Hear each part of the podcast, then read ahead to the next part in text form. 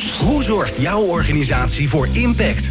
Wat betekenen jullie voor de samenleving? Bedrijven hebben de kracht om maatschappelijke vraagstukken op te lossen. Zo zorgen zij voor winst op alle vlakken.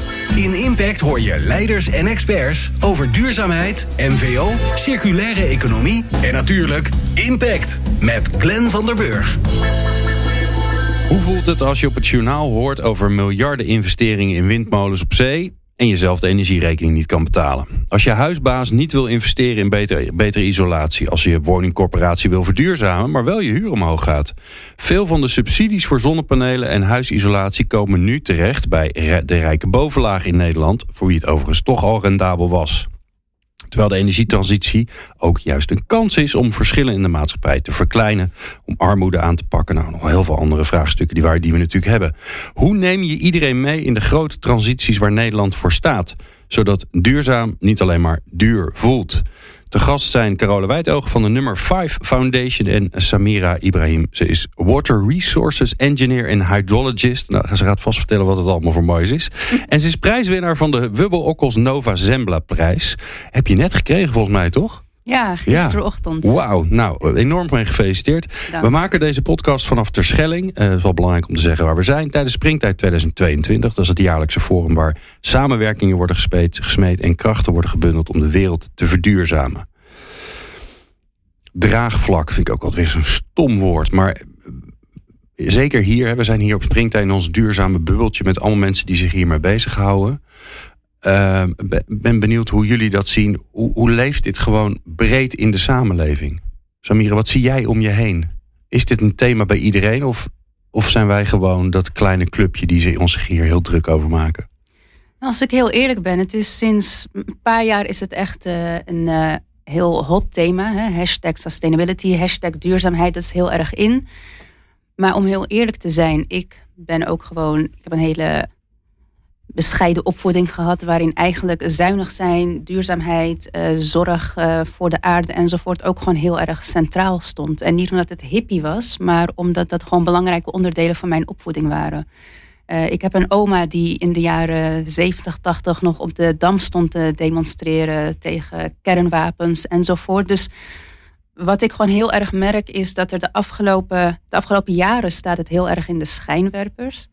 Uh, maar als we kijken naar de geschiedenis, als we om ons heen kijken, is het altijd al een feit, feit geweest dat er mensen bezig zijn met goed zorgen voor de aarde, met um, bewust nadenken over hoe wij door het leven gaan, hoe wij consumeren. Je had natuurlijk ook uh, jaren geleden de Club van Rome, dus het hele, om het te framen als iets wat echt van deze tijd is en nieuw en nu gaan we het allemaal duurzamer doen, dat is waar het bij mij af en toe een beetje wringt. Want... En, en, wat, en, en wat voor negatieve effecten heeft dat dan? Waardoor is dat onhandig om te doen? Nou, allereerst denk ik dat je dan heel snel in een denken komt alsof wij het nu allemaal even gaan fixen.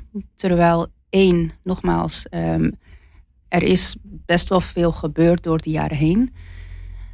Twee, het wordt nu soms zo enorm in de schijnwerpers gezet alsof dat het enige probleem is of het ene, de enige uitdaging nu of het enige waarmee je aan de slag moeten. Dat het juist ook door het zo continu te benadrukken een beetje exclusief gemaakt wordt. Mm -hmm. um, en dat iedereen die dat nu niet als prioriteit op dienstagenda heeft, omdat ze met andere zaken bezig zijn die ook heel relevant zijn of ook heel belangrijk, een beetje buiten de goede mensenclub mm. valt momenteel. Ik had er ook vanmiddag met uh, Carola over van als ik alleen maar al naar Nederland kijk, je moet een hele goed gevulde portemonnee hebben om duurzaam te zijn op de manier die heel erg gepromoot wordt. En nogmaals, dan komen we al heel snel in een denken van: oh, jij doet dit, je koopt dit. Dus je bent super duurzaam bezig, vind je goed mens. En iemand die het niet op de manier doet zoals wij het promoten of het graag willen zien, die valt dan meteen daarbuiten of die wordt gezien als een slecht mens. Um, oh, eet jij nog vlees? Oh, drink jij geen havermelk? Terwijl nogmaals, het zijn allemaal ook consumptie. Um, het is consumptiegedrag, wat ook heel erg te maken heeft met de sociale klasse waar je in zit, met in hoeverre jouw portemonnee goed gevuld is enzovoort. Dus, ja, en ik hoor je ook zeggen, ook gewoon wat je mee hebt gekregen. Hoe je opgevoed bent, hoe je ouders zijn, of dat, of dat een onderwerp is. Uh, goed voor elkaar zorgen, waar we in Nederland natuurlijk ook nog wel eens even de hele gemeenschap zingt, die, die is ook helaas op sommige plekken aan het afbrokkelen. Dat zit, daar, zit, daar zit het natuurlijk ook in. Ja, en ook vanuit het intergenerationele, uh, intergenerationele nogmaals, nogmaals, als wij het nu hebben van nu moet het duurzaam en nu gaan wij het doen. je hebt heel erg nu dat dan de jongeren een beetje het gevoel hebben, die ouderen hebben het allemaal verpest voor ons en wij gaan nu even laten zien hoe het moet. Of wij gaan hmm. nu even het goede voorbeeld geven. Terwijl nogmaals, ik, ik ben opgegroeid in een huishouden en met een oma die mij al van kinds af aan heeft geleerd hoe belangrijk het is om gewoon zuinig te zijn, om goed te zorgen voor je dingen, om, um, ja, om, om duurzaam te denken, duurzaam te leven.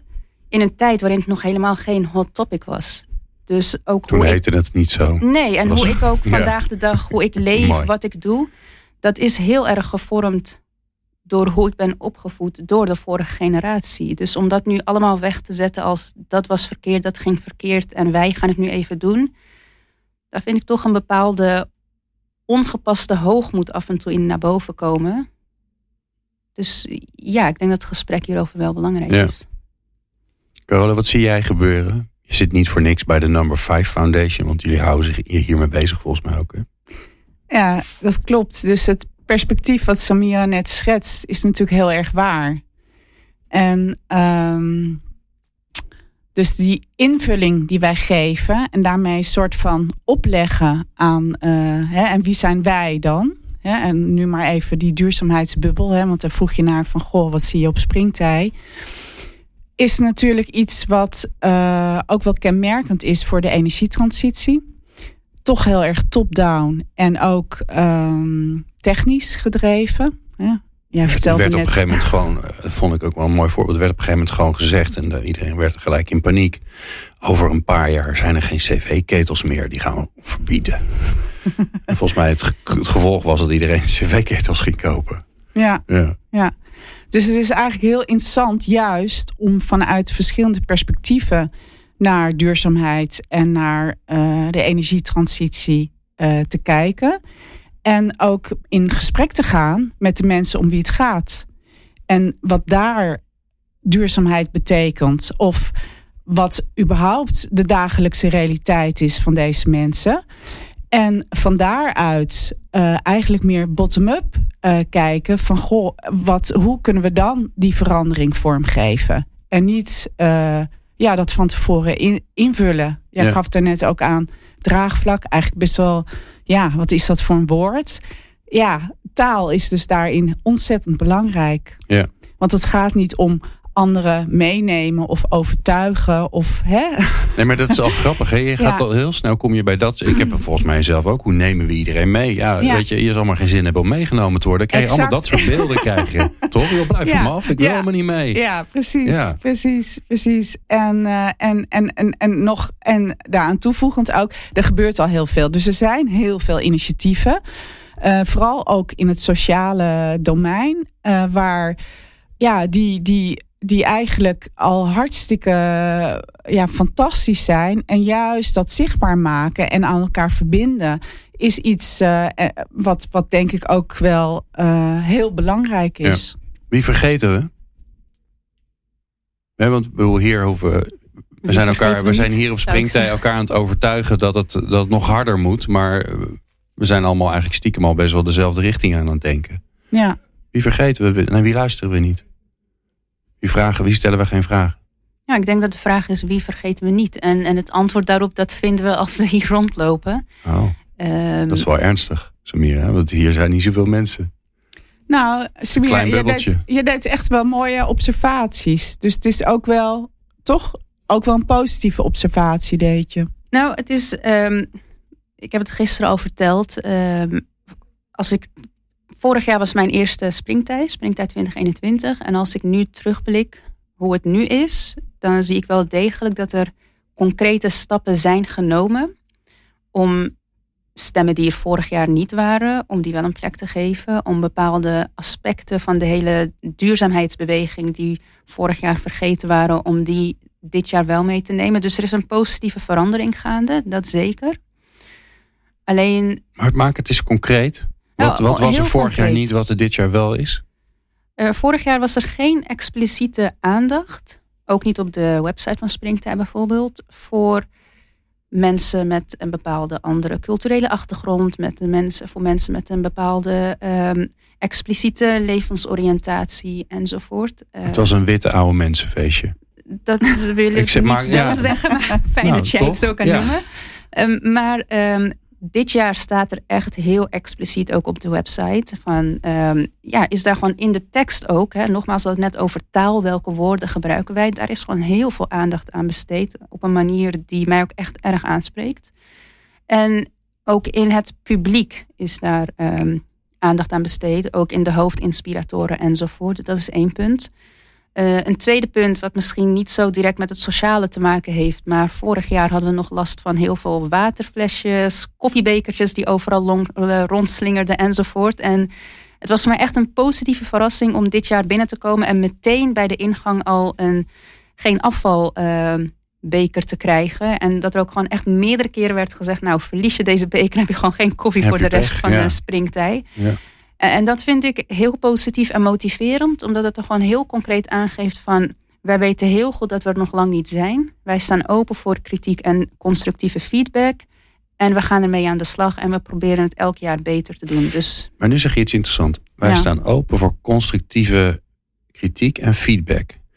Ik hoor Carola eigenlijk zeggen, dat is niet genoeg. We moeten het vragen. Exact. Ja, dat is en wel. hoe doe je ja. dat dan, Carola? Ja, nou ja, ik ben ervan overtuigd dat dat alleen maar kan vanuit eh, gelijkwaardigheid. Dus en, het, en, en oprechte nieuwsgierigheid. Oprechte nieuwsgierigheid in de ander, wat de ander eh, drijft. En ook vanuit de eigen overtuiging de, het niet te weten. En vanuit die basishouding van gelijkwaardigheid, het niet weten en oprechte nieuwsgierigheid, dan eh, kom je ook echt achter de dingen die noodzakelijk zijn en die informatie die ook noodzakelijk is om uiteindelijk die verandering te realiseren. Ja, Ja, dat, zijn ook niet- grote woorden. Ja, maar dat is wel, het is niet zo makkelijk. Nee, Want dat is ik- niet zo ik- makkelijk. Dit is de zo twaalfde podcast die ik maak. Ik heb heel veel vragen gesteld. Ik zit heel hard in mijn hoofd na te denken of iemand heeft gezegd, ik weet dat niet. Nee. En dus ook, ik heb, misschien heb ik geen goede vraag gesteld, dat kan natuurlijk. Maar het is wel opvallend natuurlijk. Dat, dat, ja. een, dat is een moeilijk antwoord. Ja. Dat vinden we ingewikkeld om het niet te weten. En om inderdaad, ja, om meer zo'n zo'n zeurwoord te gebruiken. Om kwetsbaar te zijn. Om te zeggen, ja, ik vind het... Hè, Ja. eh, nou, voordat we deze podcast begonnen, vroeg ik aan Samira, hoe spreek je je naam uit? Dat is ook, ik vind dat een kwetsbare vraag. Want het geeft ook aan dat ik daar dus nog niet zo goed in ben om dat precies te snappen. Ja. En toch, ja, toch doe ik het, want ik wil het wel goed doen. Ja. Ja. Maar dat is echt lastig. Maar het is super lastig, omdat die druk is enorm hoog hè, Ja. om direct te leven. Ik weet het uit mijn eigen ervaring dan uit een ander eh, werkzaam verleden. Eh, was ik dan eh, de directeur duurzaamheid en ik moest op alles een antwoord hebben en eh, direct. En het niet weten, eh, het durven zeggen niet, dat je het niet weet, is best wel heel ingewikkeld. En toch is dat nodig, omdat we het gewoon, we weten het nog niet. Nee. Je, en en, en het- de, de, eh, ja, je, je bent zo snel geneigd om dingen in te vullen. Terwijl je proactief eigenlijk op zoek moet gaan naar die Ja. informatie, naar die onderstroom en die informatie zichtbaar maken. Zullen en anders, denk- anders ik- ga je alsmaar in pleisters blijven plakken. Hè? Dus, dus als je kijkt, bekijkt systemisch, dan is dat ook gewoon. Dan ga je elke keer, dan gebeurt er wat, ga je pleister plakken. Maar als je niet zoekt verder van goh, wat is- ligt hier nu precies ten grondslag? Wat is nou de onderstroom? Hoe wordt dat gedrag, dat event eigenlijk, hoe komt dat naar boven? Dan, ja, dan, dan blijf je alsmaar pleisters plakken en dan kom je nooit tot de echte systemische oplossing. Ja. Ik denk ook echt, als ik dit zo hoor en ook aan de hand van mijn observaties, denk ik ook, ook als we het nu over deze oplossing hebben, van met de ander in gesprek gaan en vragen, dat is voor mij vanuit mijn perspectief niet eens de eerste stap. Want dan begin je het ook bij het leggen van, dan leg je het ook weer bij een ander. Je vraagt het en je verwacht dan een antwoord vanuit een ander, of je legt je ehm, kwetsbaarheid, wat dan ook, leg je bij een ander. Terwijl om überhaupt dat gevoel te hebben of dat besef te hebben van ik moet gaan vragen of het wordt tijd dat ik mij kwetsbaar ga opstellen, dat komt pas als je ook veel bewuster met jezelf aan de slag gaat. Dus dat hele Mhm. besef van ik moet nu gaan vragen of ik moet nu antwoorden gaan zoeken bij de ander. Dat kan ook pas op gang komen als ik eerst een proces met mezelf heb ondergaan, waarin ik, waarin ik aan de slag ben gaan met zelfbewustzijn, zelfreflectie en mijn, een beetje mijn plek in de wereld weer heb begrepen. Wij worden opgevoed in een samenleving waarin het vanzelfsprekend is. Als je bepaalde studies hebt gedaan, nou, dan ben je helemaal de expert, de Ja. top. Maar wat ik heel erg mis in ons hele onderwijssysteem, ook het hoger onderwijs, ehm, wetenschappelijk onderwijs, het is allemaal heel cognitief. Je krijgt informatie binnen en je wordt getoetst op in hoeverre jij bepaalde informatie een plek kan geven. Maar er wordt heel weinig aandacht besteed aan wie jij nou bent als mens. Hm. Eh, aan bepaalde ethische normen en waarden die nodig zijn om die informatie ook constructief een plek te geven. Om maar een heel simpel voorbeeld te geven wat ik vaak gebruik. Ehm, we hebben natuurlijk de kernenergie. Dat is bepaalde wetenschap. Toen we op een gegeven moment meer inzicht begonnen te krijgen in atomen enzovoort, dan heb je bepaalde wetenschap. Je kan er iets heel constructiefs mee doen en het echt inzetten voor ehm, doeleinden die ten goede zijn van de maatschappij. Je kan er ook hele destructieve zaken mee doen. Dat hebben we ook gezien in de geschiedenis. En hoe je nou omgaat met de informatie die je krijgt, dat heeft alles te maken met hoe jij als mens in het leven staat. Wat jouw normen en waarden zijn. En dat is iets wat ik gewoon heel erg mis, vooral in het voortgezet onderwijs, wetenschappelijk onderzoek enzovoort. Ja, we hebben een beetje we- burgerschap, hebben we. Ja, en wat we hier dan in Ja. terugzien van het, is, het vergt echt een proces, een intern proces, om eerst tot een bepaald zelfbewustzijn te komen, zelfreflectie, bepaalde nederigheid weer terug te krijgen en je plek Hm. Maar op aarde in de wereld te kennen om van daaruit die nieuwsgierige houding te ontwikkelen. Ja. Ja. Een van de kernwaarden van Number 5 Foundation, nederigheid. Het is zo mooi dat je dit zo gebruikt en zo'n goed voorbeeld geeft. Ja, heel mooi. wat doen jullie daarin, Carola? Want we, we- we hebben het over de foundation, alsof iedereen weet wat jullie doen. Maar dat is natuurlijk helemaal niet zo. Nou, waar we het eigenlijk net over hebben. Dus eh, Maar maak het missie concreet. is Connecting for Impact. En eh, ja, waar we dan nu op het gebied van duurzaamheid mee bezig zijn, is eh, die rechtvaardige energietransitie. Wat is er nodig om te komen tot een rechtvaardige energietransitie? En wie heeft welke rol daarin? Dus die rolbepaling is ook echt heel belangrijk. En nou, dat is een groot vraagstuk, maatschappelijk vraagstuk. En het antwoord op die vraag is, kan je alleen maar vinden eigenlijk in gezamenlijkheid met de mensen om wie het gaat en vanuit verschillende perspectieven. Ja, daar hebben we het net ook over gehad. Een beetje voorbereidend gesprek Jullie hebben gehad. gewoon voorgesproken. Heel erg leuk was, ja. Met onze eigen podcast, Ja. heel Ja. exclusief. En ehm, dus die verschillende perspectieven zijn ook heel belangrijk. En dan En, en, en, heb ik niet verschillende wetenschappelijke perspectieven, maar juist vanuit eh, kunst of vanuit, eh, nou, ja, vanuit maatschappelijke organisaties, van, van eigenlijk vanuit de verschillende perspectieven die er zijn in de samenleving. Maak het eens beeldend. Ga jij, ga jij op pad? Ga je, ga je de wijk in? Ga je met mensen praten? Ga je aan de koffietafel zitten? Eh, organiseer je bijeenkomsten? Hoe ziet het eruit? Ja, dus wij organiseren bijeenkomsten. Eh, met ehm, eigenlijk vanuit de analyse van goh, eh, wat zijn dan de perspectieven die je nodig hebt voor dit vraagstuk en wat is, wat is relevant? En eh, dan is er een, er is een methodologie ook, een methode, Connecting for Impact, waarin, waarin je eigenlijk stapsgewijs ge- in gezamenlijkheid vanuit die verschillende perspectieven met de mensen om wie het gaat, dialoogsessies hebt. En waardoor je eigenlijk samen eh, die onderstroom boven eh, krijgt en tot een gezamenlijk narratief komt. En dat gezamenlijk narratief, eh, dat is wel, wel mooi, dat voorbeeld.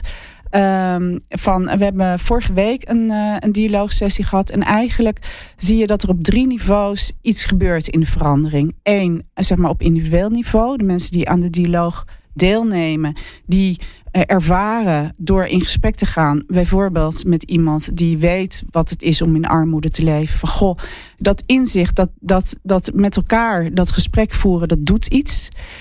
Uh, twee is dat, uh, en ook het voeren van de dialoog zelf op gelijkwaardig, in gelijkwaardigheid is ook iets wat mensen echt bij, bij echt raakt. Dan twee is dat uh, de, de inzichten van zo'n sessie zelf wordt al meegenomen ook naar de organisatie, waardoor ja, inhoud en aanpak beter aansluit met de, burger, met de realiteit, hè, met de dagelijkse realiteit. Ja. En drie is dat je dus eigenlijk bezig bent in gezamenlijkheid met een op maatschappelijk niveau, samenlevingsniveau, een onderstroom boven tafel krijgen, eigenlijk zichtbaar maken, die noodzakelijk is. Want dat is het deel van de informatie die eigenlijk nog ontbreekt. En die essentieel is om juist, hè, wat ik net eigenlijk hier liet zien van die ijsberg, dat je naar die onderstroom moet gaan. Wat je nodig hebt om te komen tot een systemische oplossing. En dat je niet elke keer weer opnieuw pleisters aan het plakken bent. En je noemt het een narratief, hè? dus komt er, een, komt er een verhaal uit? Ja, zeker. Een verhaal wat... Ja. En wat het mooie is dat natuurlijk, dat, dat spreekt tot de verbeelding. Dat, uh, dat, dat zit diep in ons verankerd als mens. Ja. We zijn dus opgebouwd uit verhalen. Ja, dus, dus wat uh, bijvoorbeeld, nou ja, wat Laurentien van Oranje dan vertelde uh, in het begin van Springtij ja, over de, toeslagen. Op, ja, van ja. deze Vijf jaar geleden heeft ze samen met haar man uh, de Number 5 Foundation opgericht. De missie is ook Connecting for Impact. Ja. Um, vanuit die neutrale ruimte. En um, nou ben ik even kwijt wat ik. Verhaal. Oh ja, ja, ja. Ik ben zo benieuwd, ja, ik ben zo benieuwd naar een verhaal. Ja, publicaties zijn er ook die uh, ook aangeven van ja, wat, wat, wat is er nou vanuit de mensen om wie het gaat? Wat, wat is er nu nodig om te komen tot uh, daadwerkelijk een oplossing? En dat is gewoon, ja, dat, de, uiteindelijk ontstaat er dus een verhaal met verschillende inzichten die ja. heel relevant zijn om ook te werken eigenlijk met elkaar aan gezamenlijk herstel. Ja, en daarmee kun je eigenlijk datgene wat je in, dat, in, dat, in die kleine groep, relatief kleine groep doet, hè, want dat, je kunt nooit heel Nederland tegelijk bij elkaar zetten, wordt ingewikkeld. Maar wat er in die kleine groep gebeurt, dat kun je verspreiden door, die, door dat verhaal wat je maakt. Ja, en het is ook echt een serie van dialogen. En ja, er is ook, het, bijvoorbeeld David Boom heeft een, uh, uh, daar ook wetenschappelijk onderzoek over gepubliceerd. Eigenlijk al met 50 mensen krijg je eigenlijk al zoveel verschillende subculturen in een ruimte. Dat je van daaruit al iets van een gezamenlijke narratief kan uh, als je, ja, als je onttrekken. een beetje divers en inclusief uitnodigt natuurlijk. Exact, maar er, is, er gaat dus wel analyse aan. Ja. Dus het is niet, meer, niet zomaar. Ja. ja. Jongerenperspectief ook super belangrijk. Ja. Nou, wat ik interessant vind ook aan deze aanpak is dat er eigenlijk is het ook een impliciete manier van het veranderen of aanpassen van machtsstructuren en machtssystemen en machtsverhoudingen. Want het is heel erg de norm in ons denken, mensen onder elkaar, maar ook mensen ten opzichte van de natuur, om in hiërarchie te denken. En ik ben nu gesprek, in gesprek met een onderzoeker die meer probeert te denken vanuit heterarchie. Dus, um, in dat plaats is een nieuw van, woord voor mij. Ja, dat, dat Ik ga is wat dus. leren. nou, dat je dus eigenlijk alles op één lijn plaatst en van daaruit samen vertrekt. In plaats van bijvoorbeeld dat je de mens boven de natuur hebt. En de rijke sociale klasse boven, of de Ja. rijke klasse boven de armen enzovoort. Hè. Dus ehm, Ja. dat is nogmaals de norm in heel veel organisaties, in ons denken altijd. Ja, hoog Heel- opgeleid, laag opgeleid. Heel ja. hiërarchisch. En heterarchie is meer dat je alles op één lijn plaatst. En van daaruit, vanuit die verbinding op hetzelfde niveau, die gelijkwaardigheid waar Carol het ook over had, om van daaruit te vertrekken. Nou, wat daar zo interessant aan is, ook vanuit wetenschappelijk perspectief, had ik het ook met. Ik, ik, eh, ik, ik, ik, ik, ja. ik moet één ding aan je vragen. Ja. Wij denken volgens mij in Nederland, een gedeelte van de Nederlandse bevolking denkt dat wij heel erg gelijkwaardig zijn. ja, dat weet ik. Daar hadden we het in onze Dat is een exclusieve podcast ingewikkelde mis. Maar dat is een hele ingewikkelde misvatting. Ja. Want, Ja. want als, als we, hè, ik zeg maar even we, als we dat denken dat het zo is, hè, dat er geen kansongelijkheid is, ehm, ja, dan hoef je het ook niet op te lossen. Nou, dan kan ik de luisteraars alvast teleurstellen dat als we alleen maar kijken naar het onderwijs, dat de kansongelijkheid daarin echt eh, pijnlijk is. Als je dat echt vanuit de statistieken gaat bekijken en bestuderen. Ja. En, en nogmaals, het is inderdaad moeilijker om dat aan te pakken als je ervan uitgaat dat er niet eens een probleem is. Dus, dat is het toch? Dus ja. Dan zitten we eigenlijk nog een fase eerder om te erkennen dat er een probleem is. Dan wordt het veel makkelijker om het aan te pakken. Maar inderdaad, wij zitten nog in het besef van dat er geen probleem is. Ja, net zo goed dat we, eh, hè, zolang we met z'n allen denken dat er niet, hè, dat, zolang, laat, ik het bij mezelf houden, zolang ik niet denk dat ik discrimineer, kan ik heel veel problemen niet oplossen. Dat klopt. Als ik accepteer dat ook ik discrimineer, dan wordt het een stuk makkelijker om er wat aan te doen. Ik zou niet eens zeggen, ik zou niet beginnen bij discrimineren, maar ik zou zeggen, um, zolang ik erken, of zolang wij erkennen dat we allemaal vooroordelen hebben. Want niet iedereen die vooroordelen, vooroordelen heeft, die discrimineert ook daadwerkelijk. Ja. Maar zolang wij, en dat heeft ook echt een stukje met dat stukje nederigheid te maken, van als wij van onszelf accepteren dat we mens zijn, dat we dus goede dingen doen, maar ook fouten maken, dat we allemaal gebreken hebben, allemaal vooroordelen hebben, dan is dat een veel makkelijkere houding. Uh, om als, uh, wat voor jezelf ook veel prettiger is, om vanuit die houding te vertrekken. Ja. In plaats van alles vanuit een hoog torentje te benaderen. en ik weet het wel. Het, ja. is, het is wel een beetje, ja. Ik vind het ook wel een beetje ingewikkeld en verdrietig uh, feit om te accepteren. Want we weten ook dat als je aan een zaal mensen vraagt. wie denkt er dat hij boven gemiddeld is in zijn werk, bijvoorbeeld. dan steekt, steekt 80% van de mensen zijn vinger op. En dat kan natuurlijk gewoon niet. Nou, dan heeft de Springtij daar oplossing voor gevonden om uh, privilege walks te organiseren. Oké, dus die zijn aan te bevelen. Ik, ik, ben er zelf niet bij geweest, maar ik heb gehoord dat die uh, heel confronterend waren voor iedereen die daar heeft meegedaan. Dus, uh... Ja. Ik wil het een beetje concreet gaan maken. Uh, luisteren naar deze podcast mensen die met duurzaamheid bezig zijn. Met, met fantastische intenties, met uh, briljante, slimme oplossingen. Hoe kan je nou zorgen dat, uh, laten we het maar even beperken tot de energietransitie. Dat is al ingewikkeld genoeg. Dat je, dat je meer open staat. Dat je beter kan luisteren of beter kan verbinden met iedereen waar dit over gaat. Wat, wat kun je doen morgen? Om, gewoon, om gewoon in actie te komen, om iets te gaan doen. Nou, ik hoop dan dat dit concreet genoeg is voor de luisteraar. Ik denk toch echt het gesprek aan te gaan met de ander. Hè? En ook daadwerkelijk. Uh, en hoe kom ik bij de ander die niet in mijn bubbel zit? Ja. Die niet mijn buurman is. Ja, maar wie, Want die woont ook in een. Wie, ja. Oké, wie is de ander? Dat is een hele goede vraag. Ja. Dus ik, als je kijkt naar. Um, nou, we hebben hier een sessie gehad. Ehm, op springtij. Het was echt super interessant om te zien dat uh, zonder dat mensen wisten van elkaar waar werk ik of hè, wat is mijn achtergrond, et cetera. Vanuit ja, toch die gelijkwaardigheid en een verbindende vraag. Wij hadden uh, als vraag van goh, waar liggen de onbenutte kansen uh, van vanuit als je duurzaamheid verbindt met sociale domein. Nou, dan zie je dus wat er ontstaat aan ideeën, aan, uh, maar ook aan inzichten over van goh, hey, dit heeft me verrast, dit wist ik niet. En um, ja, ik denk dat dat gewoon echt heel krachtig is. En dat dat ook is iets is wat, wat, wat, ja, wat een heel concreet iets is wat je kunt gaan doen. Ja, mooi. Samira? Morgen in zou, actie? Zou ik toch weer zeggen om uh, ook aandacht te besteden aan zelfreflectie, zelfbewustzijn. Uh, en daar concreet mee aan de, aan de slag te gaan. Hoe doe ik dat? Hoe doe jij dat? Mooie vraag. Op verschillende manieren. Um, om me af en toe uh, ook gewoon op een dag terug te trekken en even te reflecteren over mijn dag. Wat ik heb gedaan, of ik iets beter kon doen. Um, een tweede wat ik ga zeggen, en dat is misschien wel het allerbelangrijkste, om mensen om je heen te hebben die je vertrouwt, maar die jou tegelijkertijd gewoon ook echt op jouw blinde vlekken kunnen wijzen, of uh, die jou kunnen wijzen op dingen die je veel beter kan doen. Uh, ik heb ooit echt een gouden tip van iemand gehad, die zei, je hebt drie soorten mensen in je leven nodig. Je hebt mensen nodig die boven jou staan, die al veel verder zijn, die als een soort mentor voor jou kunnen functioneren en die jou dus inderdaad ook af en toe een spiegel voor kunnen houden.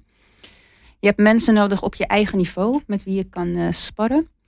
En ook gewoon vrienden enzovoort. En je hebt mensen nodig die nog niet zo ver zijn als jou, die jij dan um, op jouw beurt verder kan helpen. En als we het hebben over zelfbewustzijn en zelfreflectie, dan denk ik dat de mensen die verder zijn dan jou en jouw mentoren, dat die gewoon echt heel belangrijk zijn. En dat is wel iets waar ik gewoon ook echt in geloof. Het is, het is, het is een verantwoordelijkheid om mensen uit te kiezen om jou heen, die voor jou als mentor kunnen functioneren. En ik heb heel expliciet aan het begin benoemd, je moet hun kunnen vertrouwen, omdat je op hun oordeel moet kunnen vertrouwen op het moment dat zij jou bepaald advies geven. Want het heeft natuurlijk geen nut om advies te ontvangen en er niks mee te doen, omdat jij jezelf er niet in herkent of uh, het uiteindelijk toch waardeloos vindt. Ja, dan heb je blijkbaar geen goede mentor uitgekozen. En, en nu, nu ik het antwoord geef, wil ik er ook aan toevoegen, zoals je hoort in mijn woorden. Het is ook zelfbewustzijn is iets wat je samen doet met anderen. Ja. Dus je hebt mensen om je heen nodig ja. uh, om jou te helpen tot een betere versie van jezelf te komen. Ja, Mooi. ja, het, is, uh, het is samen bewustzijn. Ja. Zoiets. Ja. ja.